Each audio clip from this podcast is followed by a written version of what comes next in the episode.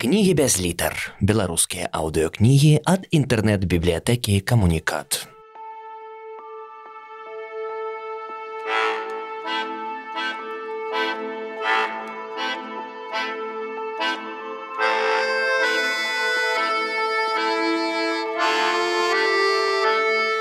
Виктор Касько, Симка Серафимка, раздел перший.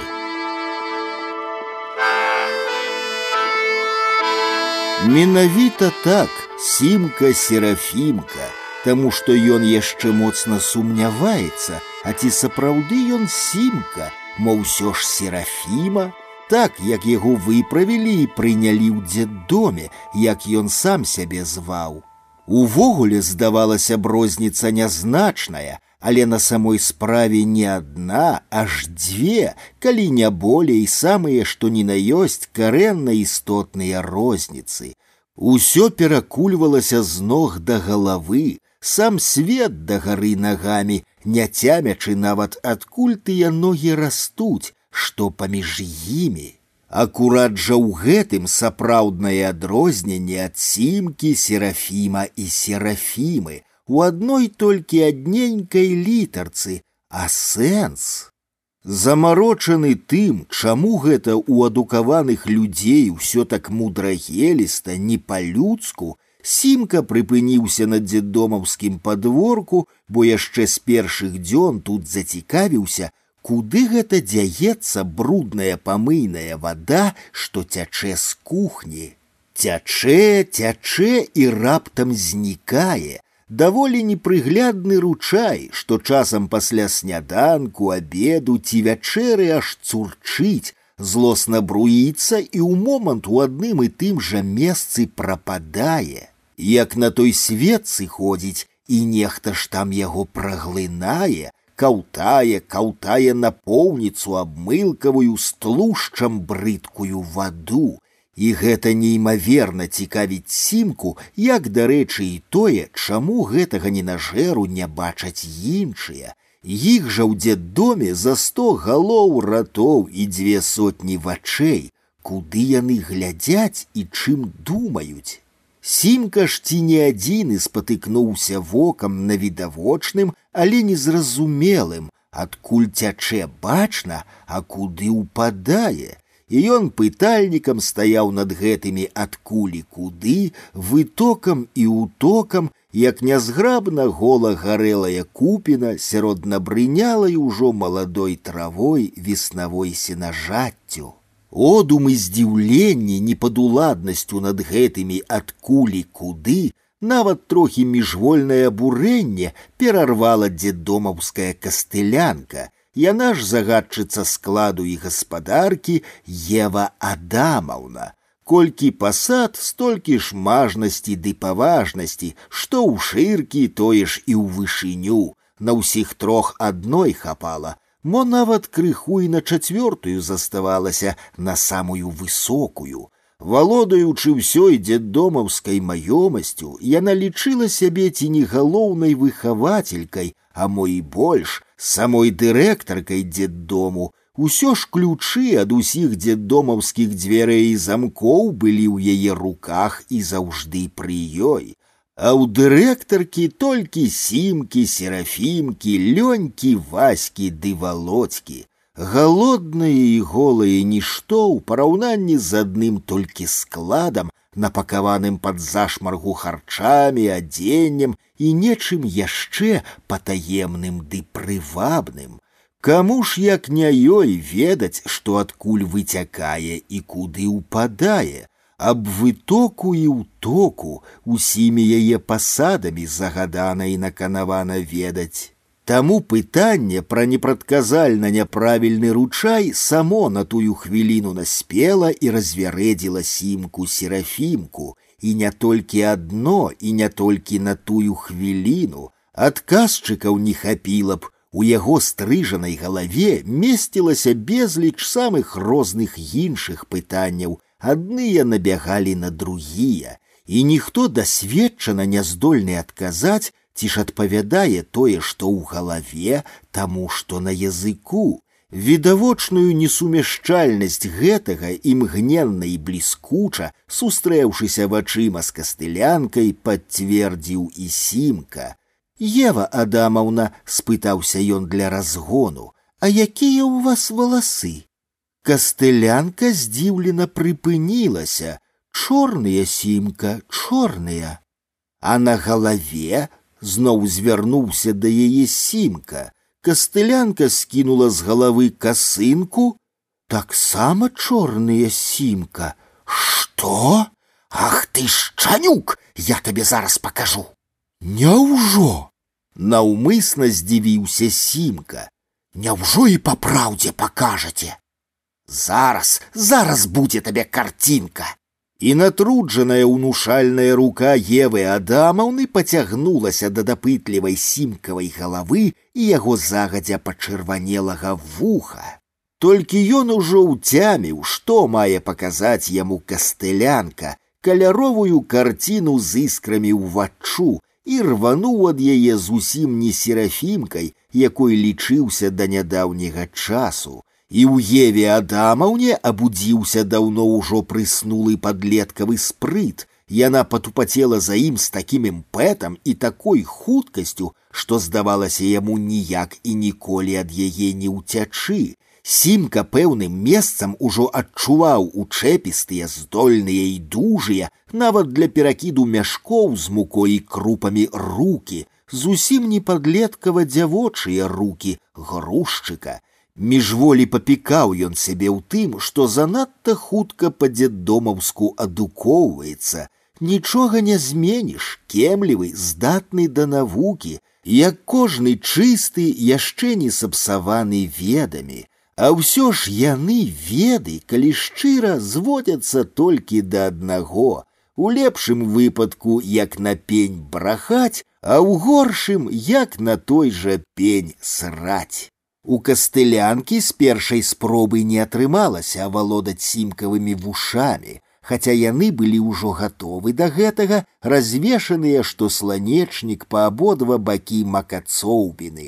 Але Ева Адамаўна з другой спробы ўсё ж злаўчылася і ухапіла яго за каўнер сарочкі. Яму стала балюча і шкада сваёй сарочкі, толькі ж ён па праўдзе ні кроплі не серафіма, а сімка вылузнуўся, дзедомаўскімі сцежкамі па садзе сярод яблыняў дапяў да плоту, у якім мелася знаёмая яму дзірка, дошка не прыбітая знізу. Адсунеш яе галава пралазіць і ўсё астатняе пролезла. Асноўнае зведаў дзедомаўца прасунь галаву, Таму што апроч чэрава і галавы падкатоўскага у іх нічога няма.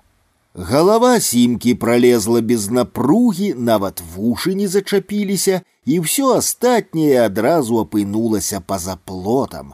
Кастылянка памкнулася прарабіць тое, што і сімка, яе галава на дзіва таксама пролезла, а датычна ўсяго іншага ні туды, ні сюды, Усім іншым кастылянка непралазна захрасла ў плоце, прыземленая ўжо была глёўкая, асабліва клубамі, укленчылася, падвоілася, тулава па адзін бок плоту, а па другі адно толькі галава са шчыліны тырчыць і вачыма люта варочае, Нізы, клубы, а задак толькі спадніцу матляюць, сапраўды трапіла як рыба ў нерад ні назад, ні ўперад.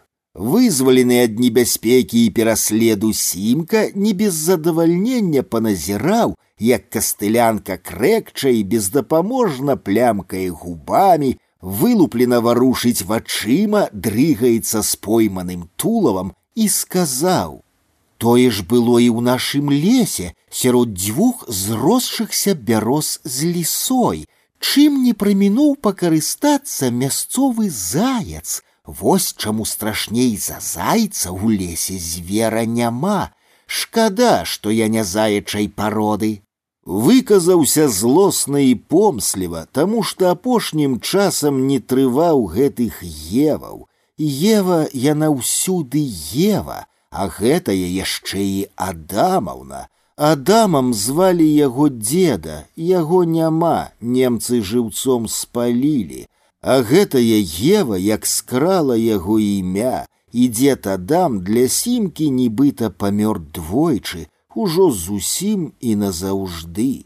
А да ўсяго у крыўдзе і помслівасці ён сімка горычу адчуў, што дагэтуль яшчэ сам не ведае, якой ён пароды, адчуў непаразуменне і крыўду на дзяўчынак, з якіх безумоўна паходзіў да нядаўняга часу, назаўжды прылучаны да іх нараджэннем, убачыў сярод іх і ў іх сябе, прынюхаўся і знюхаўся з імі, з'яднаўся і парадніўся, еў, спаў і гуляў у адны лялькі, а яны імгненна і ўсе разам здрадзілі яму, адмовіліся лічыць яго сваёй пароды, пачварна, нібыта ён вылюдак, фашыст, паперлі яго прэч, а ён сімка, тады яшчэ серафімка, ужо не мог без іх, так даверліва і да апошняга ўздыху распранаўся перад імі спяваў нават ім песенькі ўвечары, кладучыся спаць на дабранач, спяваў ранкам прачынаючыся і трошкі ў дзень, калі быў у гуморы, адназначна толькі іх дзявочыя. Мама, я жопера люблю. Мама, я за жопера пайду. Жопер ездзіць у машыне у яго жопа ў бензіне, во за гэта я яго люблю.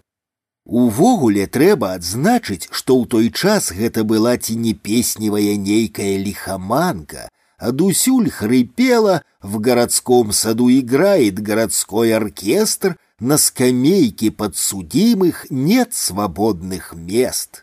Спявалі музычылі і жук і жаба, спявалі, словатворылі да світанку, калі прачыналіся вароны з сарокамі, а салаўі, стомленыя ноччу ўжо клаліся спаць. Спараваныя неспадзеўна п'янкой зорнай чаромхавай ці бэзавай цемрай спевакі былі нястомнымі, як і музыкі танцоры, не вытрымлівалі хромкі трохрадкі тулкі, у ход ішлі расчоскі з адмысловай для смалення пасляваеннай паперай, паміж іх зубчыкаў бліскучыя трафейныя гармонікі ў лучнасці з абшарпанымі айчыннымі бубнамі, язык з вуснамі і плясканнем ладак, два прытопы, тры прыхлопы, дзявочыя лёгкія і хуткія ногі, салдацкія цяжкія, люстрана нагуталіненыя кірзавыя чобаты, вылізаныя бархоткай да бляску, што ў ката яйца, курылі прысак і пыл змораных і здзічэлых, доўгі час безгалосых вясковых вуліц з іх знямелымі хатамі, калодзежавымі жоравамі і з чарнелымі прызбамі. Гулліва ўздымаліся да месяца і зор, выспеленыя ў маркоце і жаночай самоце прыпеўкі танчылі захлыналіся патаналі ў спевах і музыцы пажарныя падмедныя трубы альтоў тэнараў басоў сваіх духавых аркестраў спявалі і танчылі вайскоўцы таксама падмеці бляск ужо сваіх духавых аркестраў а потым раптам як з іншага свету з'явіліся арыстакратычныя акардэоны і баяны такой голаснай песеннасці, такіх скокаў тут не ведалі ніколі, ні раней, ні пазней, танчыў і спяваў час, танчыла і спявала зямля. Калі яна стомлена пачынала курыцца прысакам, бралі ў калодзежах ваду і тушылі паліваючы, і асушальна мясілі зноў да прысаку. Найбольш музычнымі і спеўнымі маёва-салаўгійнымі былі так званыя ПГТ, пасёлкі гарадскога тыпу, мястэчкі, слабодкі, і вясковыя вечары, калі на змярканні ўжо лябёткава выплывалі з хатаў і падворкаў дзеўкі перастаркі, заседзеліся ў дзеўках за гады і гады адсутных кавалераў, ахвотна здаваліся пераможцам ваярам. пырскалі кіпнем у прысак і пыл вуліц падрослыя за тыя ж гады ўжо амаль маладзіцы, скура дымілася і гарэла, неспакушаныя яшчэ сарамлівыя, хаця і вычакальна стоеныя стракоскі дзяўчынкі. З ніадкуль, нібыта з таго свету паўставалі, як не ў пару баравікі, падасінавікі ды маслякі, вырасталі, з'яўляліся ў ахоўна-вайсковай яшчэ дэмабілізаваныя, ацалелыя ад вайны салдацікі. У прасоленых, але чыстых, з белымі спінамі гімнасцёрках, надраеных бархоткамі да бляску кірзачах, цяжкіх на выгляд, але такіх лёгкіх пад ліхі зладзейскі посвісту руху, і пачыналіся ігрышчы безаглядныя, як некалі атакі, да світанку, а часам і на ўсё жыццё гульбішчы. Разняволеныя вайной і безаблічнасцю смерці скаромныя прыпеўкі праціналі шматдазваляльны час, а ціхлую, захлынутую запечанай кроўю цемру нябёс. Эх, Семеновна, ды баба хитрая, любила Сталина, дала Гитлеру. Эх, Семеновна, ды баба русская, юбка клёш, манда вузкая. Рэхам сягалі ў далёкую яшчэ і да страты, да згубы сябе ўжо ўсё дазваляльную будучыню. У наступнае стагоддзе трэцяе тысячагоддзе новы міленіум і новую эру. Невядома чаму, толькі надта ж месячны быў той час на зямлі. Маладзік, поўня, не ў памяці, неба ляжала ў пылавым прысаку зямлі, хоць і голкі збірай, і таксама карагодзіла, танчыла, спявала нават і на матчынай мове.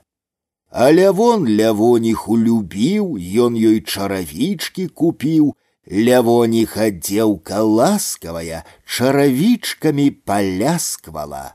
Не абыходзілася і без усёіснай у Беларусі полькі, праўда, з пытаннем, адкуль яна тут. Ах ты, полька, дрысні, перні, і скажы, з якой губерні. Адказу ж пра яе месца жыхарства пачуць ніколі не ўдавалася. Усё патанала ў дрыжыках і рогаце зямлі, неба і распаленых целаў. Такая ж абуджанасць і ўзбуджанасць спевамі і музыкай ахапіла і дом. Праўда, больш толькі дзяўчынак старэйшай групы, поранена апантаных сиротством и сумом невядомасці будучай самастойнасці.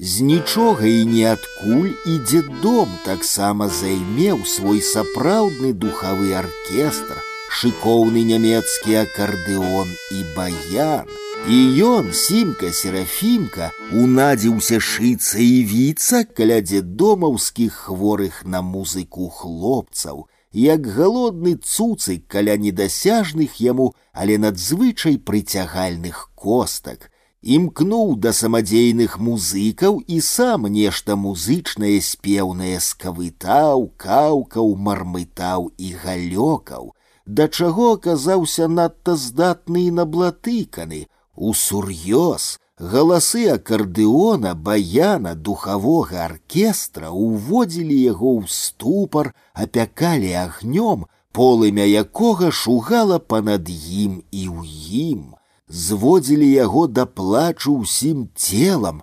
крывава апякальнай слязы.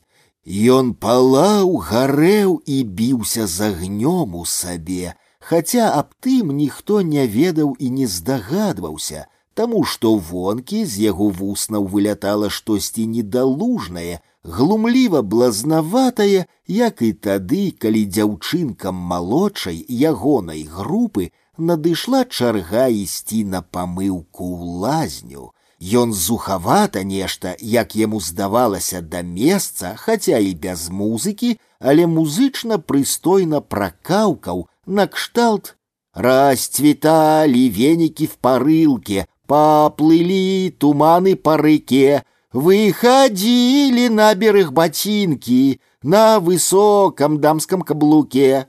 І ці не ў чаканні ўжо апладысментаў сукенку скінуў і акуратненька па дзявочы зусім як серафімка склаў.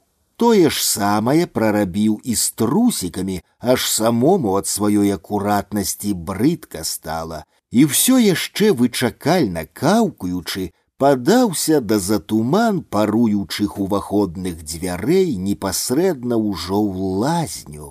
А яны евы, што заўсёды згодна падкаўквалі яму, як язык страцілі, а не мелі і руки ў іх адняло збянтэжана цішком бокам бокам ад яго нібыта ён не іх ці заразны сімка а на самой справе цалкам тады яшчэ серафімка няўцямна зазіраўся змеціў звярына адчуў нешта не тое чамусьці ён выбіваецца выпадае з заўжды прыхільнай да яго дзявочай чарады. Пэўна, на тую хвіліну ці не ўпершыню спрацавала, аказала сябе хлапчуковае, а можа, ужо і мужчынскае. Мелася ўжо ж яно ў яго было, было, выпіналася нешта вонкі, на што ў дзяўчынак і намёку няма, нічога няма. Больш таго, нібыта тое яго нештачка ў іх было ўсярэдзіне. І толькі цененькай сарамлівасцятай шчылінкай аказвала сябе. Дзяўчаткі, скоса пазіраючы на яго, усе разам пачалі прыкрываць тую шчылінку далонькамі, як лодачку ветразямі на белааголенай рацэ яшчэ няпэўна дзявочых целаў. Сімка, а тады ўсё яшчэ серафімка быў няздольны адразу і зразумець, што тут і да чаго, уражаны неспадзяванай навізною, агаломшана пазбаўлены звыкласці сваёй сутнасці. Горш і больш таго звярнуўся да дзяўчынкі франкі літошык, якая не паспела, а мо і забылася схаваць сваё нічога, прыкрыць яго далонькамі, як птушка крыламі прыкрывае сваё яшчэ неаперанае птушанё. А дзе? хітнуў ён у бок гэтага птушаняці. Як ты без гэтага? выставіў, пахваліўся сваім кранцікам.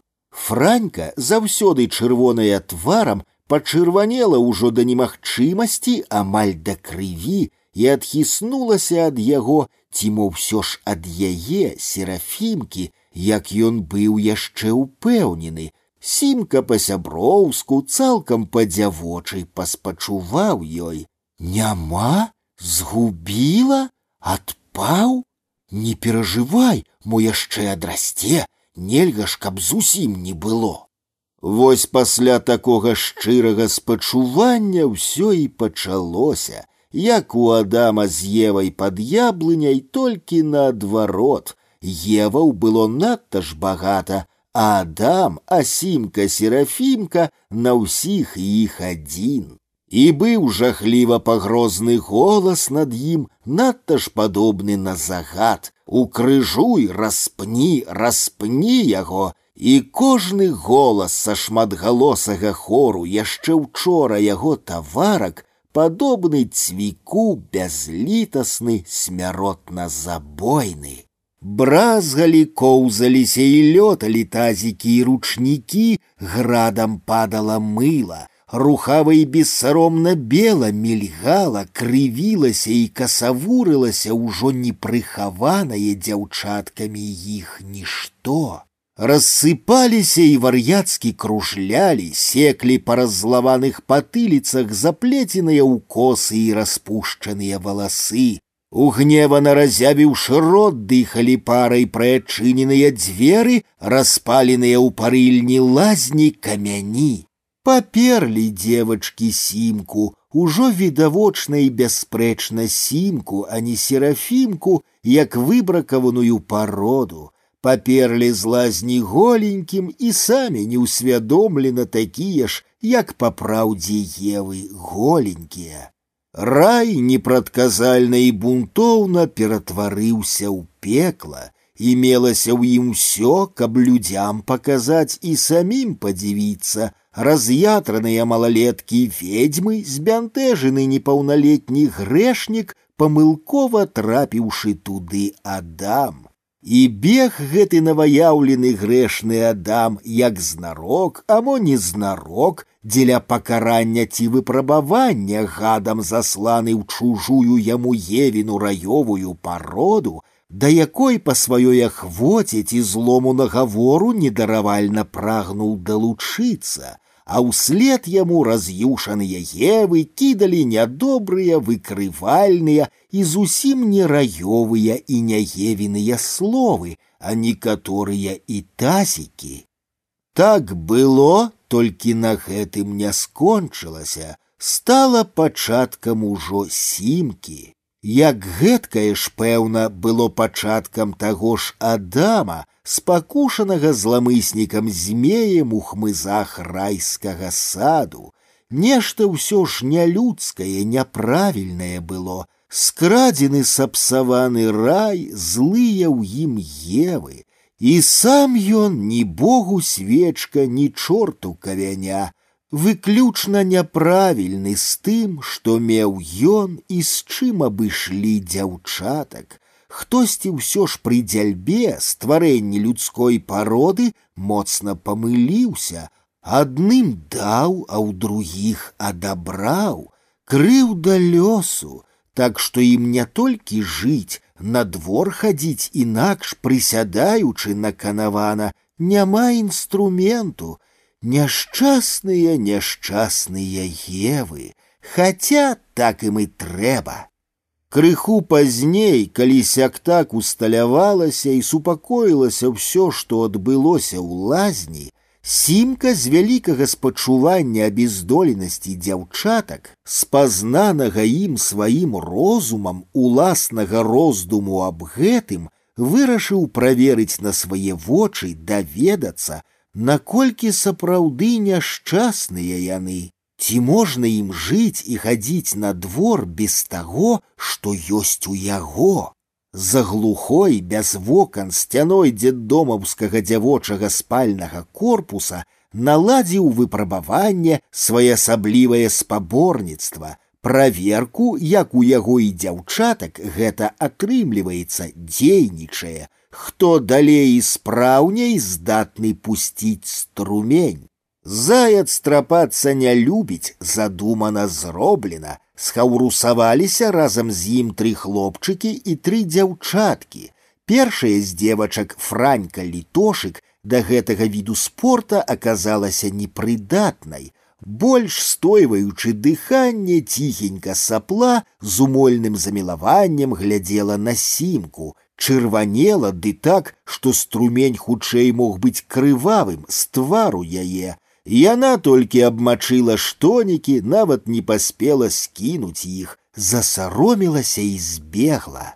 З хлопчыкаў было больш толку, прынамсі з аднаго з іх. Гэта былі браты-блізняты па прозвішчы адначасовыя мянушцы гарбузы сапраўдныя гарбузы жыватамі азадкамі і галовамі круглыя невядома толькі якое начынне якія гарбузікі меліся ў іх галовах увогуле ці меліся і якога кшталту яны па ўсім паходзілі з паўсюдна пранікальнай пароды істот людской зверавай птушынай пранікальнай хоць і не шкадлівай да пары да часу ціхенька сядзелі ў сваіх таўстаскурых скрынях гарбузах на бульбяных палетках, і толькі ў пэўна выспелы час вынікалі як нячысцікі з балота ці дрыгвы, і ніколі і нічога больш-менш значнага не абыходзілася без іх удзелу край патрэбных часу і прасцягу чорнарабочых мінуўшчыны і будучыні. Сімка адразу ж згарбузаваўся з імі, але непасрэдна ўжо ў дзеянні адзін з блізнят схібіў. Ён быў з макрацоў, мачыўся ноччу ў ложку. Ён сказаў, што вычарпаўся. Яго брат выцягнуў са штоніка ўладны почап, але больш пэўна толькі на паказ, бо няздатны даць належны струмень. Ні далі, ні вышыні, ні напору, імжа, а не залева, і больш з падлянкі прагі зарабіць. Гані пайку за беду, тады дам, што трэба. Паставіў ён умову сімку. Сімка адмовіўся ахвяраваць гарбузу абедзеную пайку, падмеўся ўжо даць яе аднаму з дзеддомаўскіх коней. Ды, як аказалася, і патрэбы не было патураць крыхаборству гарбуза. На зло і ў пакаранне яму за яго і ўвесь хаўрус парупілася манька ржавая. Па праўдзе, ні з якога боку ніколькі не ржавая, хутчэй залатая. Яе твары кожын год выбухаў такім рыжмотцем вясновых дзьмухаўцоў вышэйшай залатой пробы, што і прасвета на ім не было, абсыпаная золатам залатая дзяўчынка, але бязлітасная дзеддомаўская дзятва абразліва слепа наракла яе ржавай. Вось гэтая ржавая ці залатая дзяўчынка прымружыла вочы, напружылася сцяла, двума тонкімі пальчыкамі перашчыкнула сваю непрыкметную шчылінку, па-снайперску пусціла такі далёкі струмень, што як дасведчана сцвярджалі пазней усе ганебна няўдалыя ўдзельнікі спаборніцтваў пацэліла і збіла на ляту страказу, якая на сваю пагібель заляцалася да выцягнутай сонцам з хваёвага бёрна сцяны адмерлую апошнюю бурштынавую кроплю колішняга жыцця жывіцы. Парупілася манька за ўсіх, ім такое і блізка, у сне нават не снілася. Сімка толькі пакруціў галавой і не без пагарды, зірнуўшы на свой паніклы недамеркавы стручок, удавана ўсцешыў сябе. Нічога, нічога, ён яшчэ апраўдаецца і выправіцца, якія яго гады. І яшчэ раз пашкадаваў, што ён усё ж сімка, а не серафімка. Аднак кропку ў іх спаборніцтве паставіла кастылянка Ева Адамаўна, як наўмысна цікавала за сімкам. Гэта што? Што гэта? Яшчэ здаля залямантавала. Рана пачынаеце зачапляцца, слязьмі закончыце. Сімка паспрабаваў апраўдацца, што гэта ніякае не зачапленне, а такое спаборніцтва, але кастылянка завялася не поверыла бачыла я бачыла такія спаборніцтвы і такіх адлётаў ад якіх толькі байструкі малалеткі мы не тыя адлёты і не байструкі пакрыўдзіўся сімка мы ведаю ведаю вучоная сказала кастылянка і заплакала ідзіце ідзіце ў палаты малыя вы яшчэ да такіх спаборніцтваў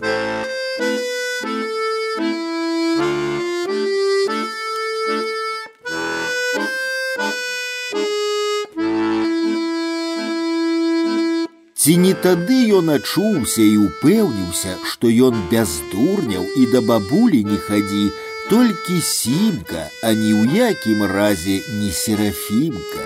Толькі сімка, хаця на ўсё і пра ўсё яго гаворка былая серафімкава, я пайшла, я ўзяла, я зрабіла. Інакш і памысліць не мог, таму што ўсе свае гадкі пражыў менавіта як серафіма, дзякуючы гэтаму і выжыў, і вакол яго жылі адны толькі так званыя серафімы, хоць і пад рознымі імёнамі жанчыны. Да дзеддома ён быў упэўнены ў тым, што іншага роду людзей на свеце няма, Вайна выкаціла з яго глухой палескай вёскі і напамінак аб іншай, першай ці другой палове чалавецтва. Лёс пажартаваў і здзекліва пакінуў, як на развод аднаго яго з той паловы, аднаго яго, што спазнаў толькі з носу ды ў рот, пад стол пешкі яшчэ вучыўся хадзіць, а яго на працяг чалавечага роду. Вось такія мудрагелістыя забаўкі бязлітасна смяротных гульняў вайны звыклыя і бясконца пажыццёва чалавечыя. Тады ў вёсцы ці каля вёскі, амо паблізу ў лесе некага забілі, свайго чужога немца, партызана, такі ўжо абавязак, работа такая ў вайны, нішчыць забіваць тых, хто пры стрэльбе і без, бі сваіх, каб чужыя баяліся, бі чужых, каб перасцерагаліся пладзіцца свае. І ніхто не ўведае, хто гэта каго выправіў на той свет, і ніхто не спазнае, дзе чыя магілка, виноватого, невинного, бойка, смерть, бабуля безобличная и непераборлівая, зямля, дожджы, час и воды аднолькава прымаюць і прыбіраюць кожнага, не пытаючыся прозвішчаў паходжання, звання, быў бы чалавек хороший.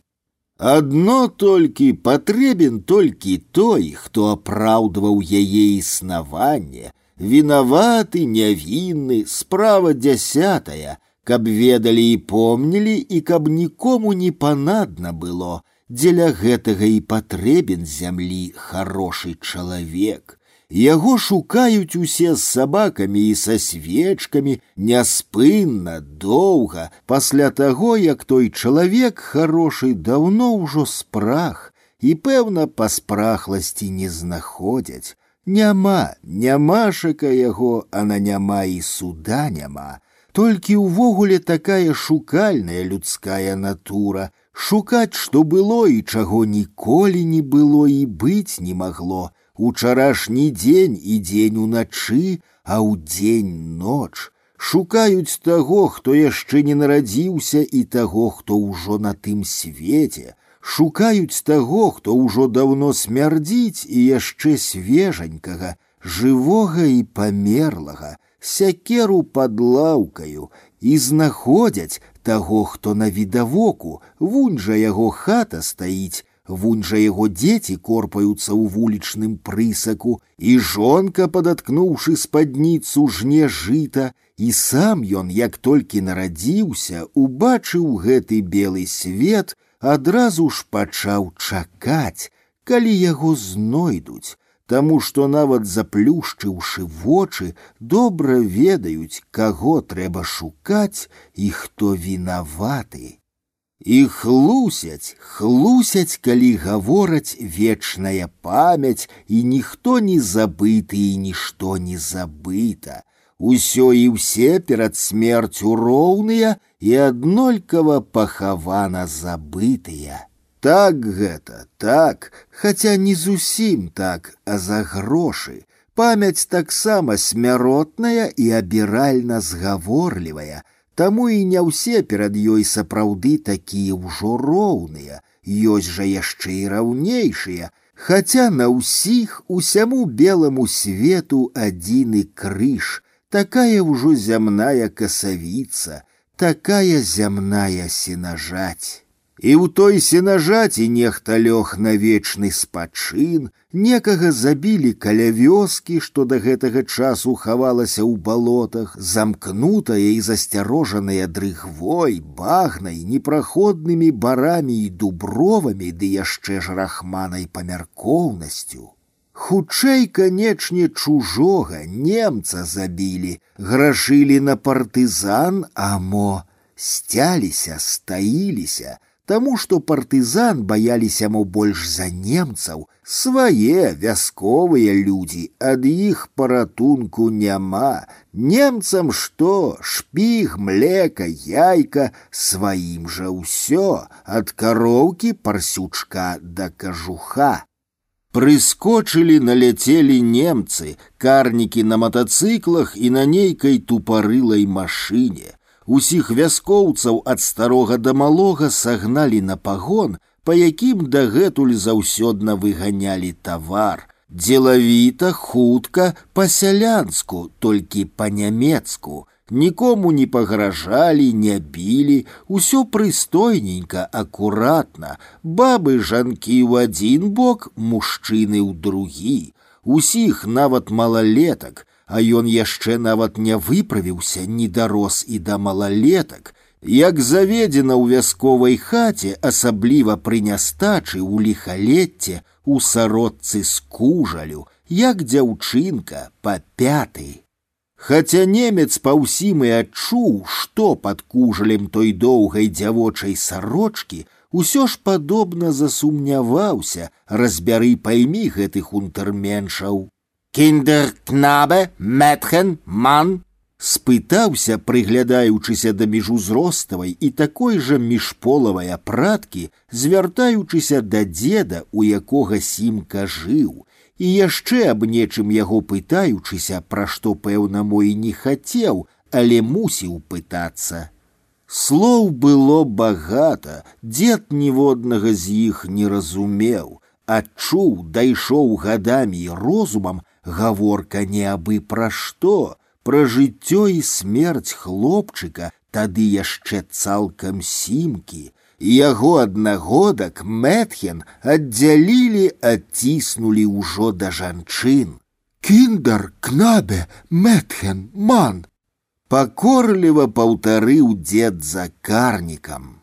Як па нашым серафіма, значыць сімка серафімка, яна значыць сімка серафімка пакрывіўся бобік паліцай што быў пры карніку і даў хлопчыку падсрачніка жыві не кашляй сімка серафімка стары адам зрабіў апошні перад небыццём крок перайшоў да мужчынаў а сімку адагналі далучылі да жанчын пры жанчынах ён пачаў жыць і далей толькі адназнакава серафімай.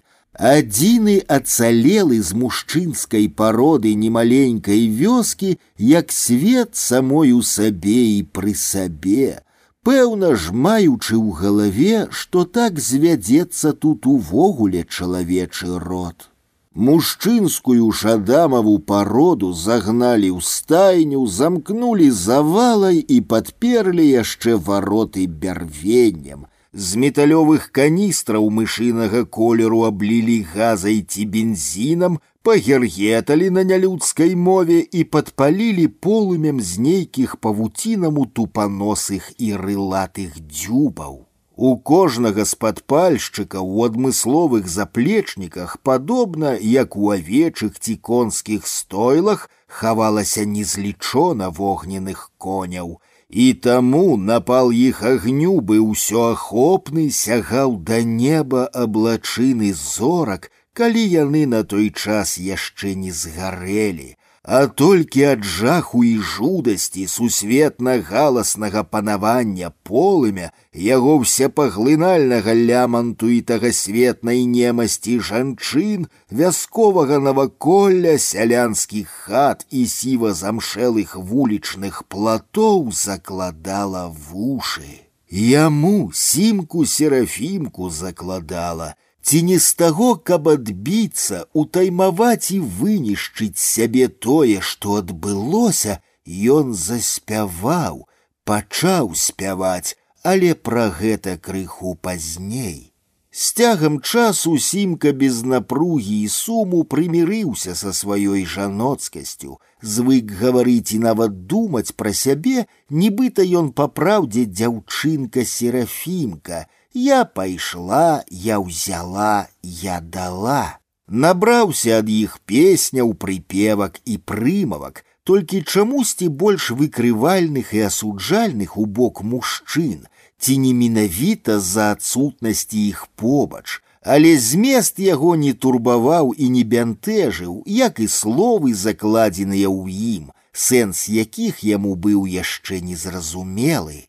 Маю мілку ранілі пасярод Германіі, замест кулі кую ваткнулі, у лазарет адправілі.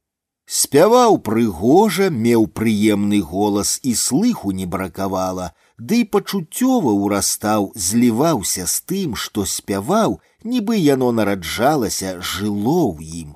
А ён толькі даваў яму волю, дазваляў услых гучаць з яго вуснаў, агучваў, абвяшчаў свету сябе, як гэта робіць, што час немаўля.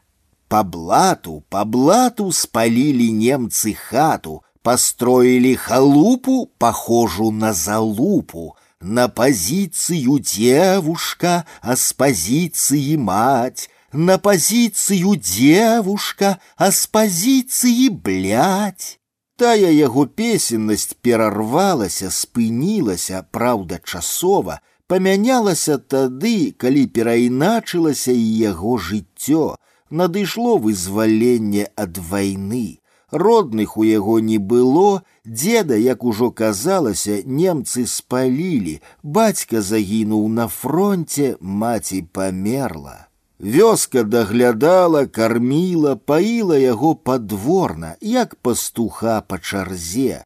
Толькі пасвіць ці нават падпасваць яму не было каго. Не было кароў, немцы з партызанамі, Вайна паела іх разам з усім, што вішчэла, кукарэкала і квактала, Ды і сам ён сімка серафімка быў яшчэ малы. Самога яшчэ было трэба пасвіць і пасвіць, травы, крапівы, лебяды, нічога не кажучы пра шчаўе ўжо не набярэся.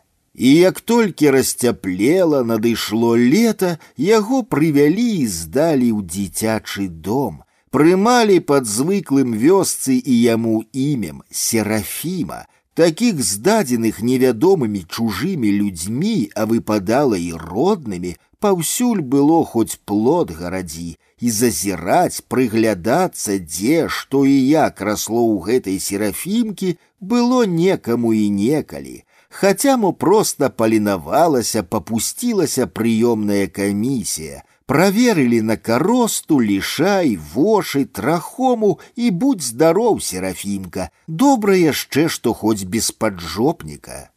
Серафімай ён і быў запісаны ў дзеддоме, пайшоў, пасялілі ў дзявочую палату малодшага ўзросту, атабарыўся, асвойтаўся там, толькі спяваць услых спачатку саромеўся сярод дзяўчатак былі такія што яшчэ пальцы ў роце трымалі няспынна смокчучы іх Ён адчуў што яго песні не такія каб прылюдна іх гарлаць цалкам жа адчуўся і паразумнеў калі нечакана і непажадана з серафімы пераўтварыўся ў нешта зусім супрацьлеглае у серафіма з дзяўчынкі ў хлопца і адчуў сябе брыдкім і нячыстым, апаганеным, балюча голым, як гад, што пад лета здзірае з сябе старую скуру, каб амаладзіцца. Але такое амаладжэнне было яму прышы кабыле хвост, а ў яе свой пакутліва надрыўна да самагубнай страты сябе адчування здрады ён міжволі вяртаў сябе колішняга вяртанне ішло праз пень калоду кульгава праз забыццё забыццё сябе ў прасторы і часе нібыта на гэтым свеце яго ніколі і не было затое нечакана прыгадвалася такое чаго ён хацеў пазбавіцца, Ён помніў сябе ў гуках, словах песняў, якія няўцямна, невядома нават дзе, калі і каму спяваў, а мо і не спяваў, запамінаў, назапашваў і моўчкі насіў сабе, як лёс насіў яго. Яго ўсё мацней і мацней, як маладое ваўчаня ў лес цягнула страчанае разам з дзявоцтвам штосьці да жудасці страшнае і адначасова невытлумачальнае, што ён прагнуў вярнуць і баяўся, намагаўся забыць і збыць. Ад разгубленасці і тугі, няпэўнасці існавання яго нечакана пазбавіла музыка, што падобна была ў ім і з ім, мо нават тады, калі самога яго яшчэ не было. А цяпер у згрызотах самоты сталася ці не адзіным паратункам, сэнсам яго новай знявечанай сутнасці, Ён рабіўся сам не свой ад таго, што срэбна ці мядзяна спараджалі альты, барытоны, тэнары і трубы духавых аркестраў, а асабліва ж баян. Кожны раз, калі чуў іх галасы, ён камянеў, заходзячыся як немаўля ад крыку ў сабе, нябачна трымцеў целам, дробненька вырушыліся толькі вусны, нібыта паглынаў пачутае.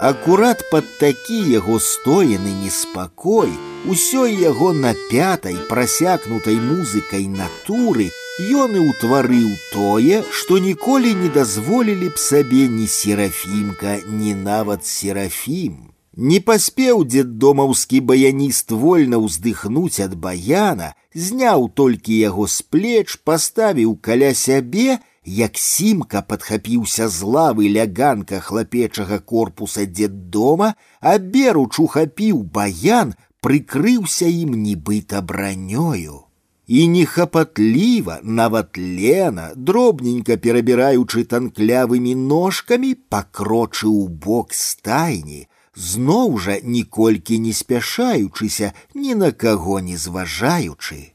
Гэта была хада самаўпэўненага, спрактыкаванага гарадскога злодзея, на якім усё ж гарыць ужо шапка, а ён робіць выгляд, што гэта шапка зусім не яго, а калі яна на ім гарыць, то не пячэ.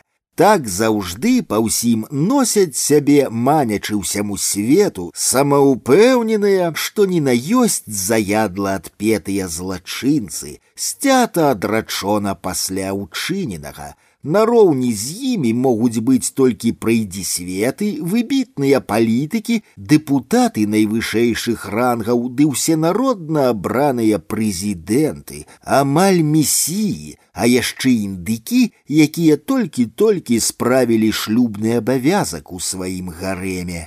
Дзе і калі прайшоў такую навуку, набыў такія веды сімка, можна было толькі гадаць, Падобна гэта ў ім было прыроджанае, якая амаль тагасветная чароўнасць баяна, які ён нахабна на відавоку ва ўсіх стырыў. Сутнасць і аснова баяна, як і любога інструмента, кожнай прылады, у якой былі прыхаваны гук, мова і гучанне, што надаваў ім чалавек, здольны разумець і размаўляць не толькі з сабе падобнымі, але і з светам і нават сусветам.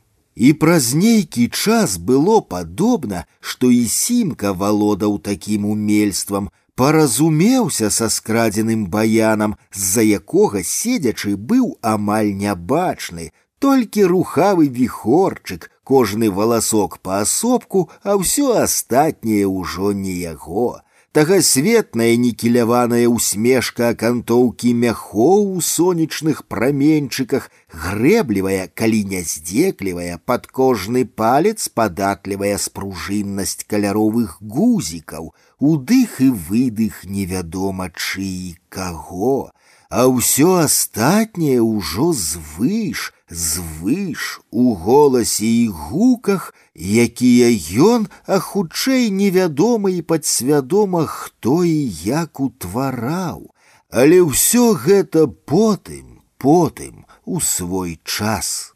Амаль як паветраны плыў разам з сімкам да дзедомаўскай стайні баян, Дзеддомаўцы і дзеддомаўкі, што сядзелі каля баяніста, па першым часе як знямелі, нават не зварухнуліся, толькі франька літошык неймаверна выбухнула чырванню, дыманька ржавая, мо прадчуваючы штосьці, а мо з непасрэднасці і жвавасці натуры падхапілася з лавы і запляскала ў ладкі, што атрымалася асабліва гучна з запануючай цішы. Баяніст жа ачомаўся і пакульгаў па свой інструмент, калі сімка ўжо рыпліва зачыняў за сабой дзверы стайні нагнаў, ухапіў яго на парозе, толькі намерыўся адабраць баян, як сімка ціха, але з абурэннем мовіў: « Маё! І гэта была не просьба, не ўмольванне, а сцвярджэнне. Баяніст, пэўна, адчуў бясспрэчнасць моўленага і пагадзіўся.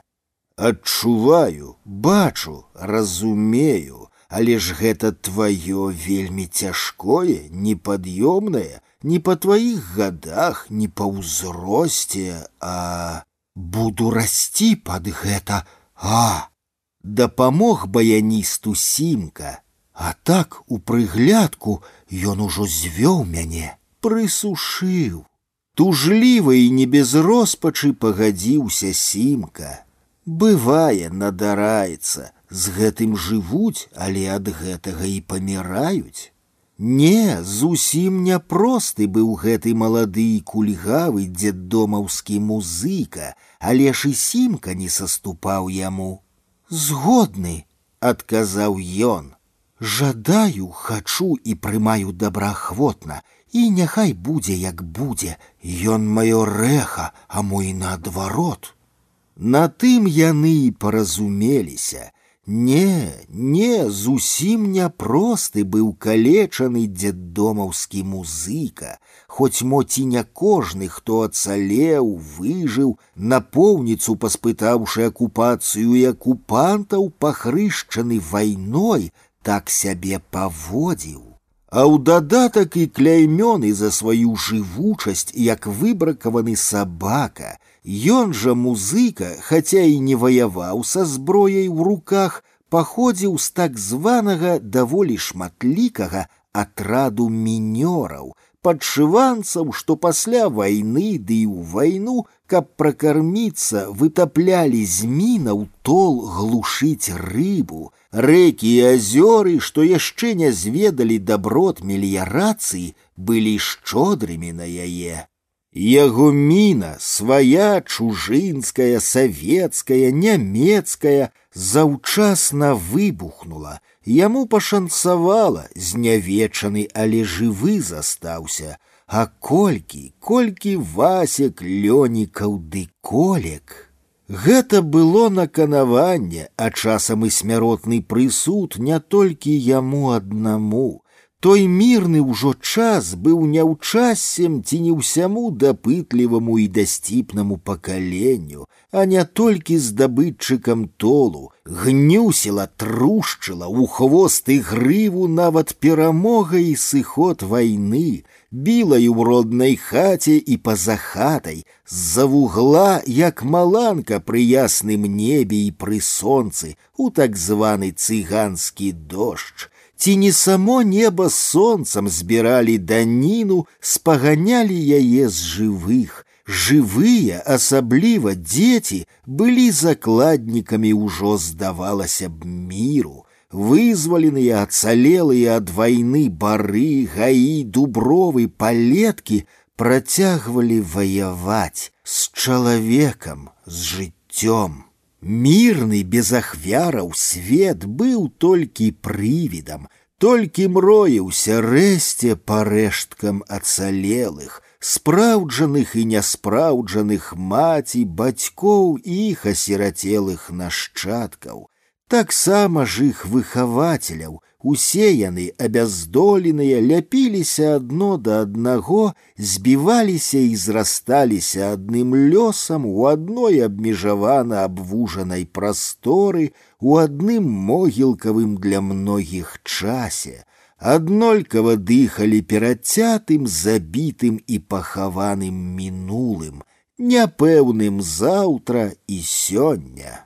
І гэта было не толькі горам, бядой, але і паратункам. яднаннем няўчася, ліхалецця малых і старых, сіротаў ды іх апекуноў выхавацеляў, Таму што апошнія, як гэта прызначана ім сёння, не выхоўвалі, пазбаўленыя цяжару педагогікі, недасведчаныя песталоццях ушынскіх, крупскіх, а да выбітнага знакамітага спока было як да зоркі, тысяча вёрст і лесам, лесам хмызамі і ўсё пёхам. Дзеці і дарослыя выхаванцы і выхавацелі ведалі і трымаліся ад вечнага карэннага колішняга вяскова-сялянскага жыць як набяжыць з павагаю да ўсяго існага. Таму так хутка, не зважаючы на розніцу ва ўзросце і процілегласць быцця, без паблажлівасці нароўні паразумеліся сімка з дзедомаўскім баяністам,